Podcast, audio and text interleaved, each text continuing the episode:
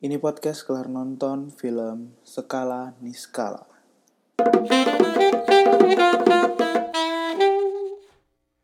Ya, kali ini gue baru habis nonton film Skala Niskala, The Scene and the Unseen.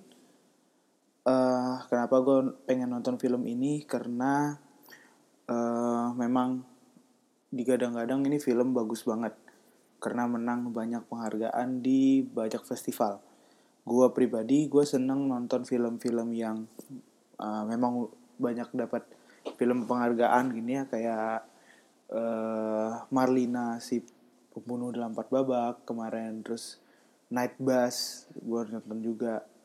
Jadi gue tertarik gitu. Nah uh, satu kata ini film best sih bagus banget. Uh, filmnya berat berat banget. Tipikal film festival banget sih. Uh, kalau ada yang nonton film istirahatlah kata-kata ada yang nonton film Marlina si pembunuh dalam empat babak. Ini film uh, hampir sama tipikalnya seperti itu. Nggak banyak musik jadi memang jadi agak boring kalau yang terbiasa nonton dengan film banyak scoring musiknya. Ceritanya berat uh, tidak nggak straight satu poin gitu. Nggak nggak nggak langsung menuju ke ending. Street uh, garis merahnya tuh garis merahnya aja berat ibaratnya. Uh, apalagi mau mikir di cabang-cabang garis merahnya dan ini film yang membuat beda adalah ini film menyakitkan sih apa ya. Kayak uh, ya yang kembali kayak yang nonton film Istirahatlah kata-kata. Tahu sakitnya nonton film itu. Setelah nonton film itu kalau gue sih sakit banget. Gue inget banget gue nonton film Istirahatlah kata-kata. Habis ending gue masih bengong sakit rasanya sakit banget. Nah ini sama. Bedanya Istilah kata-kata itu film nyata, uh, ceritanya cerita nyata dan ini filmnya uh, fiksi, tapi sakitnya tuh hampir sama gitu. Sakitnya tuh karena sedih banget. Uh, ceritanya menceritakan film ini sekali sekali ini menceritakan tentang so, uh, dua anak kembar yang salah satunya sakit. Uh, nah sakitnya si yang kembar ini memang nggak ketolong lagi sehingga perlahan perlahan uh, kalau di sinopsisnya dibilang indranya tuh mulai hilang satu persatu. Dan yang menyakitkan adalah si kembarannya yang sehat tuh kayak gak terima gitu gak terima kalau kembarannya sakit dan tidak bisa apa-apa. Dia si kembarannya ini yang sehat namanya tantri si tantri ini nyari kenapa dia sakit dan akhirnya kenapa eh, kenapa di dia pengen merasakan gitu. Kembarannya ini sakit tuh dia pengen merasakan dan akhirnya dia mencari cara gimana gua eh, gimana si tantri ini dia bisa uh, ngebangkitin semangatnya ngebangkitin ngehidupin kembali si kembarannya yang namanya tantra uh, yang bikin sakit ya gimana ya kayak lu seorang yang lu sayangi gitu dan lu hidup dengan dia ser se, se di teman hidup lu gitu. Sakit tapi lu nggak bisa berbuat apa-apa. Terus yang bisa lu lakukan cuma menghabiskan waktu sebanyak-banyaknya sama sahabat lu tapi nggak nggak nggak langsung. Lu menghabiskan waktu-waktunya mereka bersama orang itu cuma lewat mimpi dengan perantara mimpi. Ketika lu bangun lu lihat orang itu masih nggak bisa apa-apa tapi di mimpi lu bisa menghabiskan waktu sama dia. Gimana keselnya lu di kehidupan nyata? Gue pengen lu, lu tuh bisa teman hidup gue ini bisa kayak di mimpi semangatnya gitu. Itu yang dilakukan Tantri. Dan jujur habis nonton gue sakit banget. Tapi kalau buat gue nggak kayak uh, sakitnya tuh nggak kayak film istirahatlah kata-kata karena istirahat kata-kata tuh nyata banget kita tahu ceritanya gitu. Cerita tentang uh, Wiji Tukul yang hilang gitu. Kalau yang ini sakitnya sedih. Sedihnya tuh berasa gitu karena walaupun mungkin selama nonton banyak bagian-bagian yang membingungkan gitu. Ini apa sih gitu? Cenderung nyeremin.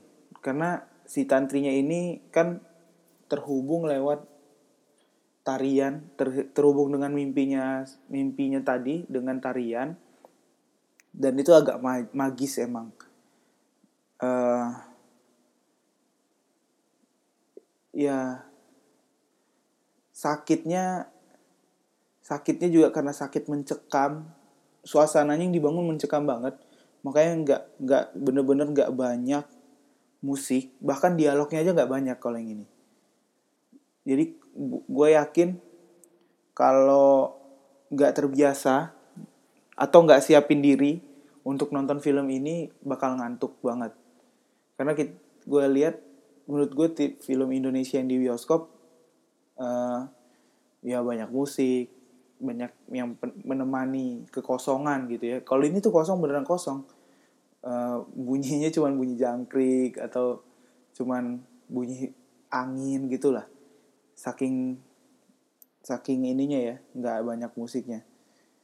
Nah ini beda dengan film bioskop ini film tipikal film festival banget ya yang ceritanya berat gambarnya bagus banget uh, apa banyak kiasan-kiasan kayak ada child ghost di situ dikiaskan itu mengkiaskan sesuatu yang gue juga nggak ngerti sampai sekarang dan ada tarian-tarian yang mengkiaskan sesuatu lagi yang gue juga pokoknya banyak banget yang kiasan yang gue nggak ngerti sih.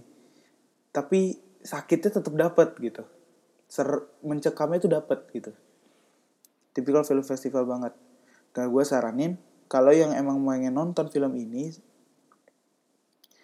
uh, kalau dan nggak biasa nonton film-film kayak gini,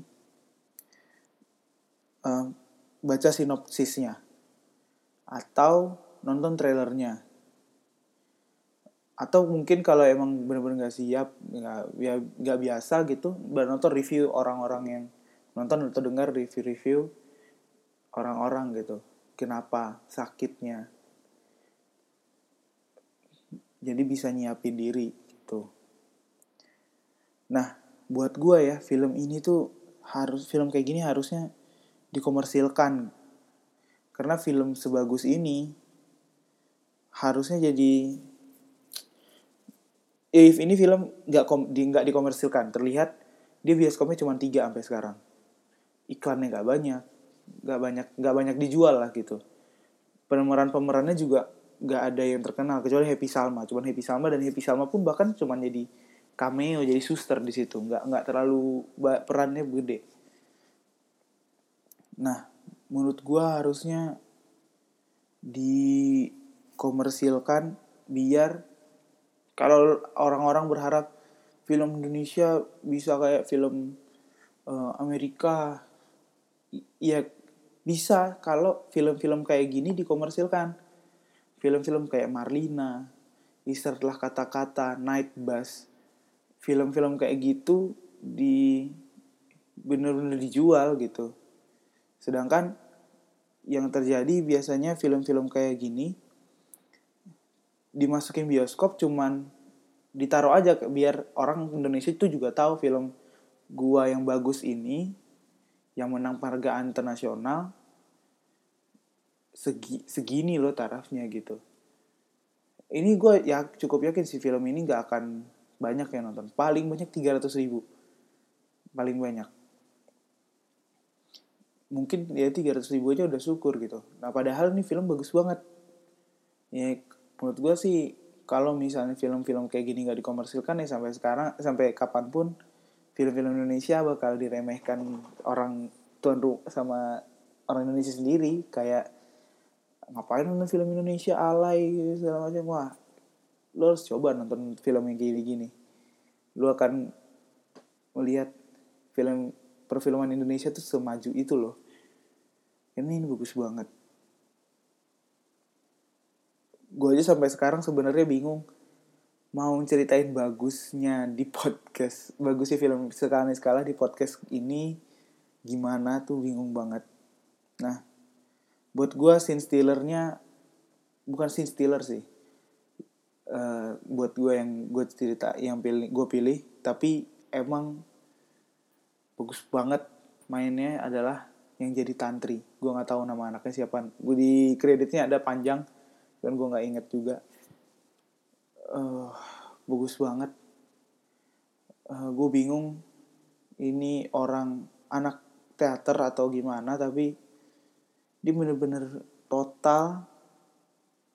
Semua tariannya tuh real. Matanya tuh mata dan gesturnya tuh sangat ngomong memperlihatkan kesedihannya. Bagus banget. Yang tapi juga yang jadi tantra bagus banget cuman yang jadi tantra kan sakit ya ceritanya. Jadi nggak terlalu banyak uh, ini nggak terlalu banyak gitu partnya. Sementara tantra ini hampir semuanya dan dia bagus banget.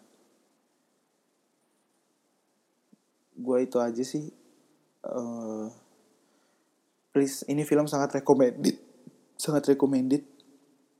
Yang mau nonton tonton segera karena studionya cuma tiga di bios di XX1 yang gue cek. Di CGV dan Cinemax nggak juga banyak gitu. Dan lu harus dukung film-film sekelas ini kalau emang pengen lihat film Indonesia yang lebih berkelas dan siapin diri sih. Kalau yang biasa nangis karena nggak hal-hal yang nggak jelas mungkin akan nangis karena gua aja seseknya pengen nangis sebenarnya cuman nggak keluar aja gitu. Udah gitu aja. Thank you. Film skala nih skala keren banget